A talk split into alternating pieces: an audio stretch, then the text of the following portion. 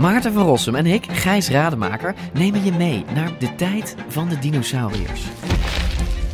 Ja, jij vindt het gemene beesten Het gewoon eigenlijk. gemene beesten. Ja, Kijk, kijk naar ze. Beesten zijn niet gemeen.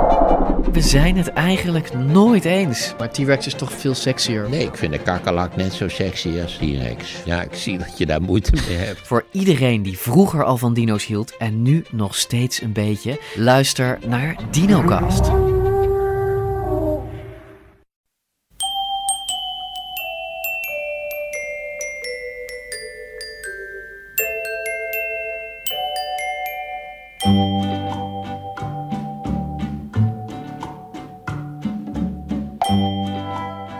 Welkom bij aflevering 291 van Echt Gebeurd.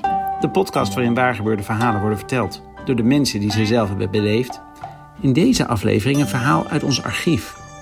Marietta Nolle vertelde het tijdens een verhalenmiddag in het najaar van 2009.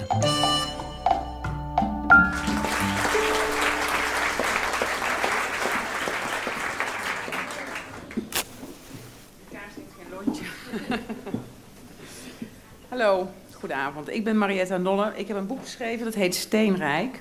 En het gaat over de, eh, de armoede van de rijkdom. Maar ik ga het eh, over iets heel anders hebben.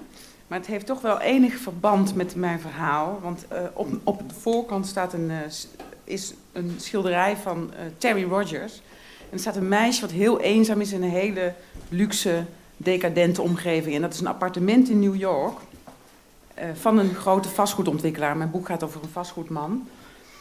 Maar ehm, ik was ook ooit heel eenzaam in New York. En dat is 15 jaar geleden. Alleen ik zat niet in zo'n omgeving. Ik zat in een raamloze kelder in Queens. En 15 jaar geleden was ik net afgestudeerd. In Amerika ook. En ik ehm, was klaar om mijn grote carrière te beginnen. Mijn schitterende carrière die eh, mij eh, beloofd leek na een master's degree. Maar ik eh, vond mezelf dus terug in plaats van eh, een grote carrière te maken in een raamloze kelder in Queens. Ik zat daar eh, niet alleen, ik zat daar tussen de Chinezen. Het was namelijk in Queens, in, de stad, in het stadsdeel Queens en in de wijk Flushing. En dat is een soort Chinatown, maar dan nog, zitten nog meer Chinezen en Koreanen en Taiwanese. En er zitten eigenlijk bijna geen blanken, inderdaad allerlei bevolkingsgroepen daar. En in mijn kelder eh woonden behalve ik alleen maar Chinezen, ongeveer eh, twintig mensen of misschien wel meer. In allemaal hele kleine hokjes waar net een bed kon staan en een kast. Die Chinezen die spraken helemaal geen Engels, dus ik kon helemaal niet met ze communiceren. Ze moesten ontzettend hard werken en ehm, hadden geen tijd om Engels te leren. Ze hadden ook geen tijd om hun kelder schoon te houden. Want als ze thuis kwamen moesten ze slapen, want ze hadden twee of drie baantjes, of ze moesten eten. En het eten gebeurde in de centrale gedeelte, een soort eh, centrale keuken. Nou, Het was, een ontzettende vieze plek waar het vet echt van de muren afdroop. En ook van het plafond en van die vette eh, bruine druppels. En dat, af en toe viel zo'n druppel dan op je hoofd. Ze douchte zich ook wel en er was ook een douche, maar die werd ook nooit schoongemaakt. En die was glibberig van het menselijk vet en zeepresten en haren. En natuurlijk vraagt iedereen zich af, wat deed jij daar als pas afgestudeerde met een master's degree op zak? En eh, nou, laat ik eerst zeggen via wie ik daar eh, was gekomen. Dat was via mijn vriendin Yu Hong. Yu Hong, zo moest je dat uitspreken, was Chinese. En dat was een vriendin van mij, die heb ik leren kennen in het jaar daarvoor toen ik in Amerika studeerde. En wij, waren, wij behoorden tot tien uitverkoren international students die ehm, eh, mochten studeren op Smith College. Smith College was een eh, heel prestigieus eh, college met een mastersprogramma. En wij behoorden dus tot die tien uitverkorenen. En toen Johong naar Smith kwam, toen sprak ze eigenlijk helemaal geen Engels. Terwijl ze in China lerares Engels was. Ik dacht, nou, die gaat het helemaal nooit halen. Maar uiteindelijk slaagde zij met straight A's. Ik ook trouwens, want ik moest, ik moest ook heel hard ervoor werken, maar ik, ik was een streber. En ehm Johong en ik waren na, die, dat jaar hele goede vriendinnen. Nou, Johong die ging naar, eh, niet terug naar China, want ze, ze wilde een toekomst en dat had ze daar niet. Dus zij ging naar New York. Zij werd daar nanny in een heel rijk gezin, maar moest af en toe wel werd ze daar weggeschopt, want ja, dan hadden ze geen zin meer in de nanny. Dan mocht ze een paar dagjes naar huis en dan moest ze dus een huis hebben. Dus daarom had ze een raamloze kelder in Queens. Ik ging ondertussen terug naar Nederland, want ik was natuurlijk afgestudeerd en ik ging aan mijn carrière beginnen. En ik had een baan genomen. Maar er was één probleem. Ik was namelijk uh, verliefd. En mijn liefde woonde in Amerika. Dat ik verliefd, ik, was, ik, ik studeerde daar een jaar en ik was het hele jaar al verliefd op hem geweest. Maar hij was niet verliefd op mij, althans liet daar niets van merken. Hij was uh, mijn professor op het uh, op Smith College. Um, hij was, sterker, hij was ook mijn thesisbegeleider. Dat betekent dat ik twee keer per week ongeveer nou, 30 centimeter van hem vandaan zat om mijn thesis in ontwikkeling te bespreken. En daar, was, daar, was, daar ging hij heel serieus mee om. En ik ging daar iedere keer hoog gehakt en kort gerokt. En met blossen op de wangen ging ik bijna tegen hem aanzitten. En terwijl hij het over mijn thesis had, heel serieus, knikte ik een beetje. En dacht ik, uh, keek ik naar zijn handen en keek ik naar zijn mond en dacht eigenlijk alleen maar aan seks. Maar hij dacht dat helemaal niet terug. Dus een jaar lang uh, was het een hopeloos gedoe.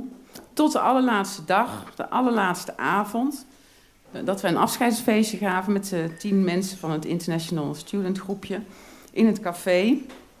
En hij kwam ook.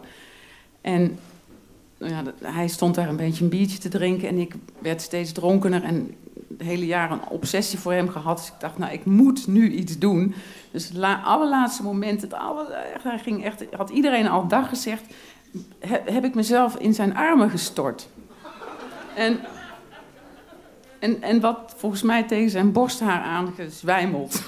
Maar in ieder geval, toen viel het kwartje eindelijk. En terwijl ik al in Nederland was en naar mijn schitterende carrière was begonnen, kreeg ik een liefdesbrief uit Amerika. En daarop volgde een vierdaags verblijf in Parijs. En dat waren de meest romantische dagen die ik ooit had meegemaakt. Want ja, als een obsessie naar je toe komt, is dat natuurlijk fantastisch. En na, na vier dagen Parijs uh, volgde het huwelijksaanzoek.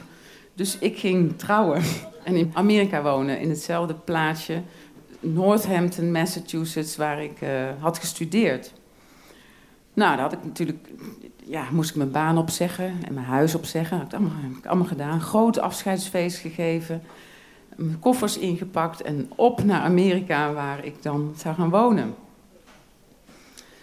Nou, toen, dat was in het begin, de eerste weken, ontzettend leuk, want we lagen alleen maar in bed. Maar al vrij snel kwamen daar de kleine irritaties. Um, het waren kleine dingen hoor, maar ik was toen wat kritischer dan nu. En ik was toen, ik was toen, ik ben nu nog steeds niet, maar toen helemaal niet goed in relaties. Op een gegeven moment bijvoorbeeld was hij bang voor een eekhoorn. Die was binnengekomen. En uh, toen ging hij op de bank staan springen. 911 bellen. Nou, toen dacht ik, wat is dit voor een sukkel? En hij ging ook altijd met een helm op fietsen. Dat vond ik echt niet sexy. Ik vond hem ineens gewoon niet sexy meer. Dus toen ging ik ruzie zoeken. En uh, twee maanden later ging ik uh, met mijn tassen, een enorme berg tassen die ik had, uh, heb ik hem achtergelaten voor zijn huis, zittend op het trapje van zijn ontzettend lieve houten poppenhuisje wat hij had. En huilend, hij huilde, dat was wel fijn. En, um, en ik, ik ben toen naar New York gegaan. Maar uh, ik kende niemand in New York, behalve Yu Hong. en die woonde in een raamloze kelder in Queens. En ik had natuurlijk heel makkelijk daar weer weg kunnen gaan. Want ik hoefde helemaal niet daar te zitten, want ik had een return ticket. Maar ik dacht, ja, ik ga niet... Hè, als ik ga trouwen en mijn tassen heb gepakt... en uh, alle, uh, iedereen vaarwel heb gezegd, groot afscheidsfeest heb gegeven een toekomst had eh, in Amerika. Ik ga niet terug na drie maanden. Ik dacht, dat doe ik niet. Dus daarom zat ik in die raamloze kelder in Queens. En ik kan heel veel vertellen over die kelder, want het was, eh, behalve uh, dat niemand met mij praatte en ik dood eenzaam was, was het er ook best wel eng. Want er zat in het enige reepje zonlicht wat er was, zag je een binnenplaatje en daar zat een hele grote zwarte hond in zijn eigen stront. Die werd niet uitgelaten. Het was heel zielig, maar was ook heel vals. Dus als er brand zou uitbreken, dan zou je alleen maar via dat binnenplaatsje uh, kunnen ontsnappen. Maar daar zat die hond. Dus het was een soort gevangenisgevoel eigenlijk. Nou ja, dat er geen ramen in zaten, was ook wel een gevangenisgevoel. Eh, er was ook een man die daar woonde, een hele oude man, die uh, nooit dat kamertje afkwam. Alleen schuifelde hij af en toe door die vette keuken. En die lag de hele nacht te rochelen. En toen dacht ik, die man die gaat nu dood. Nee, hij gaat nu dood. Dus ging ik had het idee van dat ik, uh, dat ik daar op het einde zeg maar, van, mijn, van de beschaving hing. Aan mijn vingertoppen aan een afgrond. Maar ik wilde niet naar huis. En natuurlijk zeiden mijn ouders, je moet naar huis komen. En uh, mijn vrienden zeiden van, doe toch eens normaal. En uh, weet je wel, nu, de, leuk, het was leuk. Je hebt hier een avontuur beleefd. En ik dacht, nee, ik ga toch niet naar huis. Maar er was één vriend die dat begreep. Die zei, nee, je kunt niet voor twee maanden alleen uh, naar, naar, New York gaan... of naar, gaan, gaan leven in Amerika en dan terugkomen naar zo'n feest. Dat kan niet. Dus die heeft mij toen wat geld gestuurd. Dus dan had ik weer wat geld in de pocket... En toen uh, heb ik een ticket gekocht naar Los Angeles. Want daar woonde ook iemand die ik kende, namelijk mijn buurmeisje Monica Nouwens. En die was net afgestudeerd op CalArts.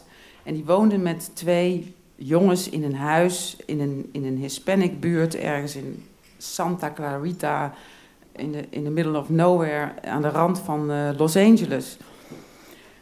Toen heb ik daar, zeg maar, dat geld wat ik had, was 5000 gulden, was best veel geld als je niks verderop maakt, alleen maar een beetje pasta eet met boter en peper, want dat aten we iedere dag. En ik heb een ontzettend leuke tijd gehad. Ik, uh, ik heb uh, Slavoj Zizek gelezen. Dat is een filosoof waar nog nooit iemand van gehoord heeft of had. Ik heb uh, iedere dag de tango gedanst op een wall-to-wall -wall carpet in dat huisje waar ze woonden met Miguel. Ik heb ehm, virtueel getennist. Gewoon hele middagen stonden we zo ballen naar elkaar over te spelen. En eh, s'nachts hebben we gewandeld. Ik heb artikelen proberen te schrijven die niemand heeft gekocht. Nou, het was eigenlijk wel een heel mooi avontuur. Maar op een gegeven moment was het geld op en ik was weer verliefd op Miguel. maar toen dacht ik, nee, laat ik niet weer dit uh, riedeltje gaan beginnen. Want voor ik het weet zit ik weer in een raamloze kelder in Queens. Dus ik, ben, ik heb mijn, uh, ik, ik heb zo'n driveway ding gedaan. Een auto krijg je dan mee. Samen met mijn vriendin Monica zijn we van LA naar New York gereden. En toen was mijn ticket nog geldig. En acht maanden nadat ik was vertrokken, was ik weer thuis. En begon eindelijk mijn uh, carrière waar ik voor gestudeerd had.